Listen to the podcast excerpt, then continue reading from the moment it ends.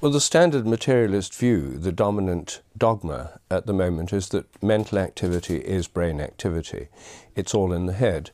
But the evidence suggests that our minds reach out much further than our heads through attention and intention. Um, one line of evidence is that when we look at people, we can sometimes affect them. People can turn round uh, if we're staring at them. Um, they seem to detect our attention. Um, the vast majority of people have had this experience. They've felt when they're being looked at, and they've made other people turn round by looking at them. That's the effect of attention. The effect of intention uh, is also detectable by people from far away. If we think about somebody, we want to call them on the telephone, uh, and then we call them. Quite often, uh, people feel our intention before we make the call. They start thinking about us, and when we make the call, they say, That's funny, I was just thinking about you. Now, I've done a lot of experiments that show the sense of being stared at is real, the telephone telepathy is not just a coincidence, it's not just random chance, it's a real phenomenon. Um, and these phenomena, which are extremely common, almost everyone's experienced them, um, show that our minds are in fact extended beyond our brains. Can you tell us about some of the most important experiments you've done and what you, the results you've got? In research on telephone telepathy, what we do is experiments in which the subject has um, a number of callers, minimum number is two. We've mainly done these experiments with four callers. They choose four people that they know well, um, usually friends or family members. Uh, they sit being filmed in a room with a landline telephone with no caller ID display. We pick one of the four callers at random and ask them to call the subject. The phone rings they know it's one of these four people, uh, but they have to guess who it is before they pick it up. Um, so they may say, I think it's Timothy. They pick it up, say, hello, Timothy. They're right or they're wrong. By chance, they'd be right about one time in four, 25% of the time. In fact, in hundreds of these trials, the score rate is about 45%. It's a very significant effect. Um, some people are better at this than others, um, but uh, even when we have mass experiments with mass participation, including people who aren't very good at it, we're getting very significantly above chance scores. And you've widened this and inclu included things like emails and text messages in your experiments. The, the same phenomenon happens with uh, emails, with text messages, and with messages sent on the internet. Um, with text messages, we've done experiments where uh, people have to guess who's just sent them a text message, and again the results come out above the chance level. With emails, we've done the same experiment. You have four people who could send you an email. Um, at a particular time, uh, they, one of these four people, randomly chosen, sends you an email, and you have to guess who's, who's writing you an email at that time. And you send an email with your guess on it, and we know that you've made the guess before you've received the email because everything is timed precisely on computers. Um, so um, people can also guess who's sending them emails or who's sending them text messages above chance. It's the same phenomenon really as telephone telepathy. You pick up somebody's intention to get in touch with you. And are these just a few people or how many trials have you done with these experiments? Well, we've tested hundreds of people in these trials, um, and we've done uh, at least six trials with each person. Um, and the range of abilities is, is, is like any other human ability. Some people are better at it than others. Some people have a better sense of smell, other people have better hearing. Some people are more sensitive telepathically than others. But on average, uh, people score above chance. And uh, I think these are very widespread abilities in, in the population. They're one of the phenomena that I call the mysteries of everyday life. They're things that happen commonly to most people, and they're telling us something important about the nature of our minds. And it's not just people, there's also animals, because you've done a lot of work with animals as well. These abilities, the sense of being stared at and telepathy, which show the mind's extended beyond the brain, aren't confined to people um, they apply to animals as well. Many animals can tell when they're being watched. Uh, we've interviewed hunters and wildlife photographers who watch wild animals from a distance when the, the people are hidden. The animals can't see them, they can't smell them, uh, and yet the animals seem to sense their presence. This is a common observation among hunters and wildlife photographers. I think in nature this would play a very useful role uh, in predator-prey relationships. A prey animal that could tell when a predator was watching it would have a better chance of escaping than one that couldn't tell. Mm. Um, and in relation to telepathy, animals also seem to be able to pick up intentions. I've done a lot of experiments with uh, domestic animals like dogs and cats. Um, one of the commonest phenomena there is dogs that know when their owners are coming home. The dog goes and waits by a door or a window uh, when a person's on the way home. Um, sometimes 10 minutes, 15 minutes before they come home, when they're still several kilometers away. We've shown that this is not explainable in terms of sounds or smells or routine. Um, it seems to be telepathic. The animal is picking up the person's intention to come home. The same happens with cats and with parrots and with horses and with several other species. So assuming that our thoughts are not just brain waves within our brains, what do you think is the nature of thoughts then? What's the, the essence of them? Well, I think our mental activity is mainly directed towards possible actions. Our conscious thoughts are mostly about what we can do or what we could do and choosing between possible actions. And most of our activity depends on intentions. We're doing things for a reason. If we're hungry, we look for food. If we want to go to the lavatory, we look for a lavatory. Um, you know, it, if you're um, a young man and you, you, you, might look for girls. Uh, you know, the, there are, we usually have motives for what we do people do jobs because they want to get paid and, and so on. So, uh, and animals too, when they look for mates, they look for food, they try to escape from danger. Most of our activity has purposes, intentions.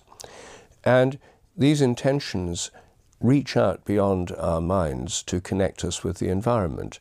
If an animal is a hungry predator is looking for a prey animal, it's searching the environment when it sees one, its attention is fixed upon it. And uh, so these are not exactly conscious thoughts in words. Animals are not thinking in German or in English. Um, they're uh, thinking more in images and with desires and emotions and intentions. And of course, a lot of our own thinking uh, can take place without words. Um, if you hear a frightening sound, you react to it, or if you see a threatening sight, you try and escape for it, uh, from it. You don't necessarily spend a whole time, a lot of time working it out in words. You just run away or uh, do some, uh, have a defensive reaction.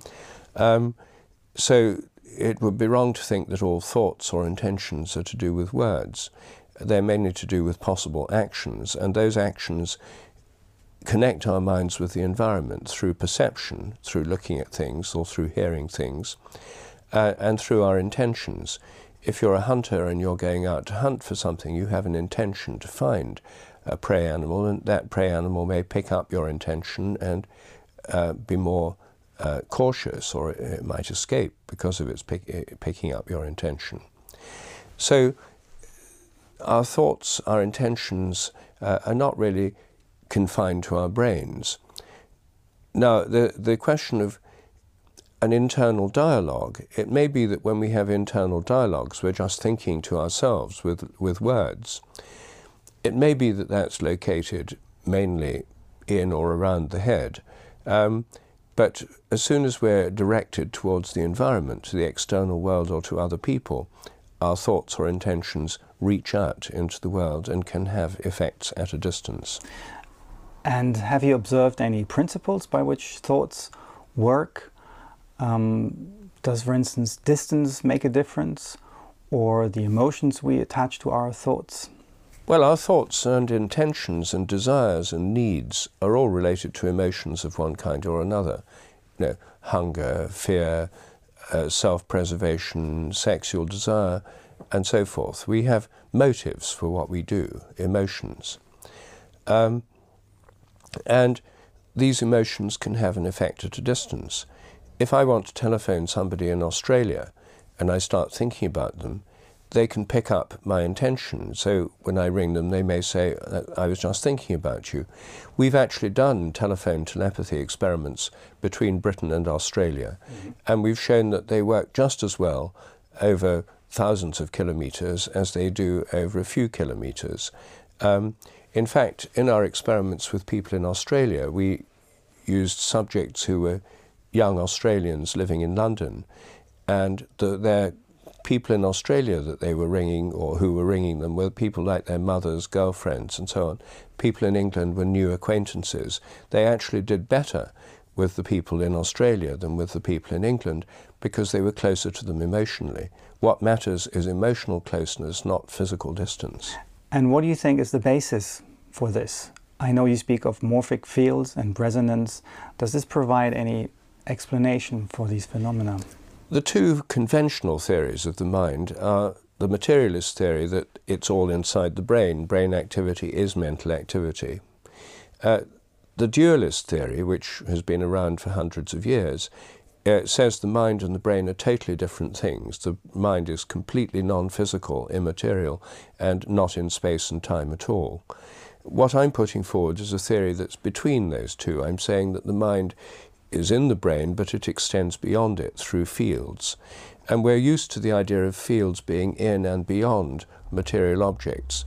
The magnetic field of a magnet is in the magnet and extends beyond it. The gravitational field of the Earth is in the Earth and extends far beyond it. The field of a mobile phone, a handy, is in the phone and extends beyond it. And I think the fields of our minds are inside our brains and inside our bodies and extend beyond them. So it's, it's not all inside the brain, and these fields connect us to the objects of our attention or intention, and they stretch out far beyond the brain. But they're still, of course, related to the brain, because otherwise they wouldn't be able to influence our actions, uh, which has to happen through the brain. Assuming our thoughts are not limited to our brains and our own bodies, what do you think are the implications for our lives and for our worldview. If our minds are extended beyond our brains and interconnect us with the world around us and with each other, it means that we're much more interconnected than we usually assume. The materialist theory, still the dominant orthodoxy, says that the mind is inside the brain. That means each of us is isolated from each other in the privacy of our skulls. Uh, it means we're much more private but we're much more isolated. Now, this view of our thoughts and intentions interconnecting us with the world around us, with animals, with other people, uh, means that we're much more interconnected. In a sense, we're less private because our thoughts and intentions can affect other people, their thoughts and intentions can affect us. Um, but I think that's the way things are. We're social animals and we've evolved to live in groups with other people. And no social animals can survive unless they're interconnected with other members of their group. Um, we see this in every social animal ants, bees, wasps, uh, termites, in flocks of birds, in schools of fish, in packs of wolves. Uh, all social animals have coordination with other members of the group, and I think that telepathy is a normal means of communication among uh, social animals between members of groups. So that's one implication. We're much more interconnected than we might otherwise be. Another implication is that um, our brains are not doing everything they're usually assumed to do. Um, I think brains are grossly overrated uh, at present because people assume the brain is doing everything. I think the brain is more like a receiver, mm. uh, more like a TV receiver than like a video recorder. It's not storing everything and doing everything. It's open to transmissions that come from outside, and it's sending out transmissions to uh, the the world around it. Um, so it's working in a completely different way. So I think this would lead to a very different understanding of ourselves and, um, and, our, and of our minds. It also would suggest that these so-called paranormal phenomena, like telepathy, are not paranormal at all. They're perfectly normal.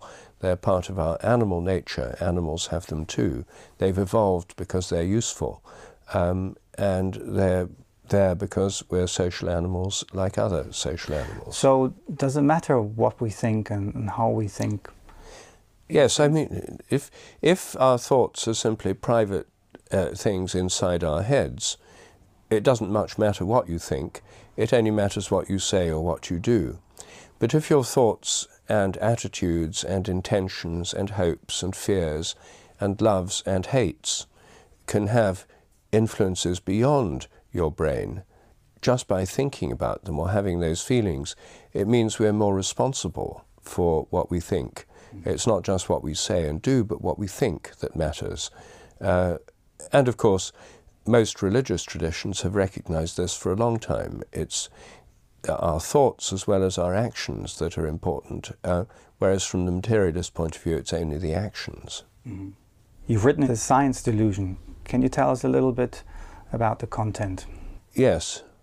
Well, the science delusion is about the science delusion itself, which is the belief that science already understands the nature of reality in principle, leaving only the details to be filled in.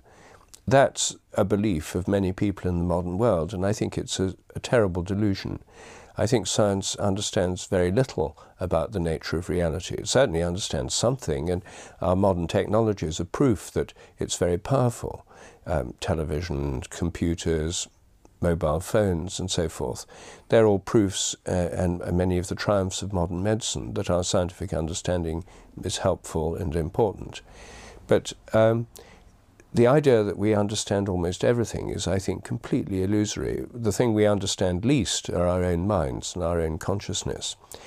And what I show in the science delusion is that present day science is based on a belief system, the materialist belief system, um, which has 10 basic dogmas, uh, assumptions, which are simply taken for granted.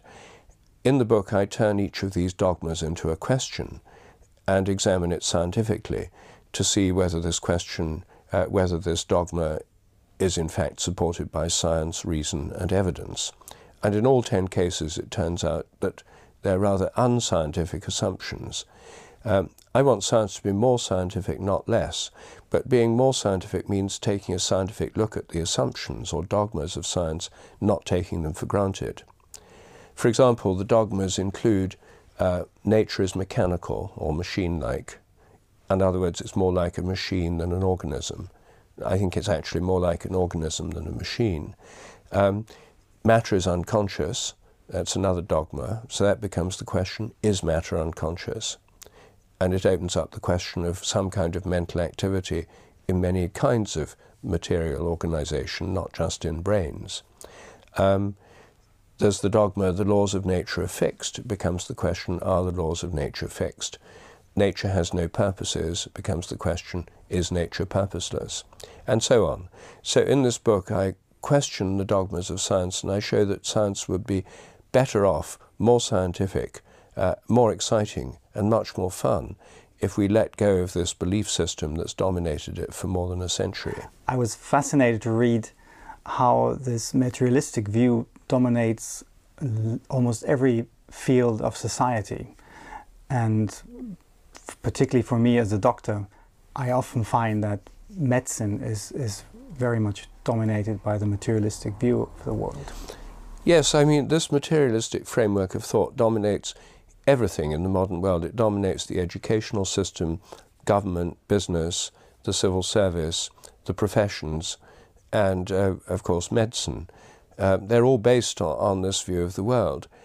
And most people don't question it because they say, well, it must be right because it's so successful. Modern medicine, in many ways, is very successful. Keyhole surgery, antibiotics. There are many obvious triumphs of modern medicine. Um, and so people don't question it for that reason, I think. Um, but when you do question it, you see that we could have a much better kind of science uh, and a much better kind of medicine that's more integrative and more inclusive. It doesn't mean we lose the advantages of modern medicine or modern science, they'll still be there. But we can have a much more expanded view of things. And my own belief is that um, if we have a more integrated medical system that takes into account what are now called complementary and alternative therapies, as well as much more preventive medicine, we could have a much cheaper medical system. And of course, everywhere in the world that's very necessary because it's becoming impossibly expensive. So I think that the change in medicine will be driven by economics as much as by anything. Um, but um, I think there are very good intellectual and scientific reasons for thinking we need to expand the kind of medicine we have instead of keeping it within narrow materialist limits. Mm-hmm. One of the things you mentioned is the placebo effect, which is quite astonishing if you think about it. Well, I think the placebo effect is very clear evidence that the power of the mind is very important in healing, in cures. Um, for a long time, conventional doctors treated the placebo effect as a nuisance. It got in the way of clinical trials. It was just a kind of nuisance you had to take into account. Uh, but I think the attitudes towards it are shifting. We now realize that the placebo effect is a very important part of the healing process. Uh, in conventional medicine as well as unconventional medicine. Doctors used to say, you know, we have real medicine with real medicines, uh, whereas alternative and complementary practitioners, uh, uh, they're quacks, and if they get people better, that's just because of the placebo effect. Um, but uh, we now know that the placebo effect is going on everywhere all the time. It's a major problem in drug trials because many modern drugs like Prozac, in fact, aren't much better than placebos. In fact, it's, it is no better than a placebo if you take all the trials into account. Mm. Um, so I think we need to, to, take into account people's beliefs, attitudes, and social support networks because there's now a lot of evidence that people's cure, uh, getting better from diseases depends not just on medicines, but on their belief, on their attitude, on their spiritual practices, uh, on their social networks, and even on factors like whether they keep a dog or cat. People with dogs or cats get better from uh, heart attacks uh, more effectively and quicker than people without dogs and cats. Um, there's been many studies that show so many other factors at work it's not just a disease, a pill that's a magic bullet and the cure of the disease. There's so many other factors which I'm sure every doctor knows, but the medical education tends to minimize these and put the maximum emphasis on chemistry and physics, drugs and surgery.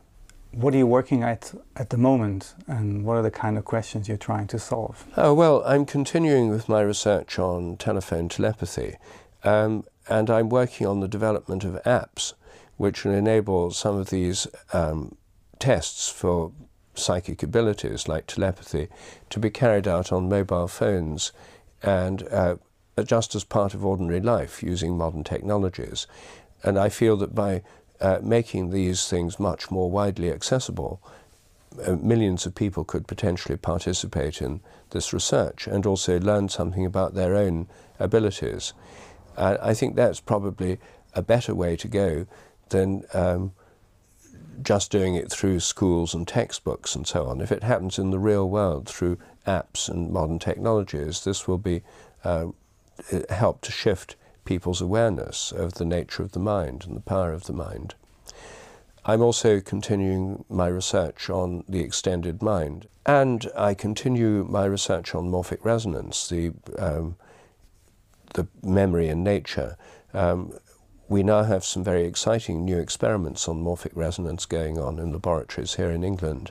Um, and uh, I'm very hopeful that um, these fields of science will open up as the taboos that keep the materialist position in its completely dominant position, as those taboos weaken, all sorts of new scientific possibilities become uh, open to us. And that's really what I'm engaged in. Mm-hmm as well as in discussions with um, funding agencies, uh, including private funding agencies, to see how innovative science can be supported financially. Um, at the moment, it doesn't get much support, uh, but that could change. And I myself think that the field of scientific research could become much more exciting in the next 10 years or so as new possibilities open up.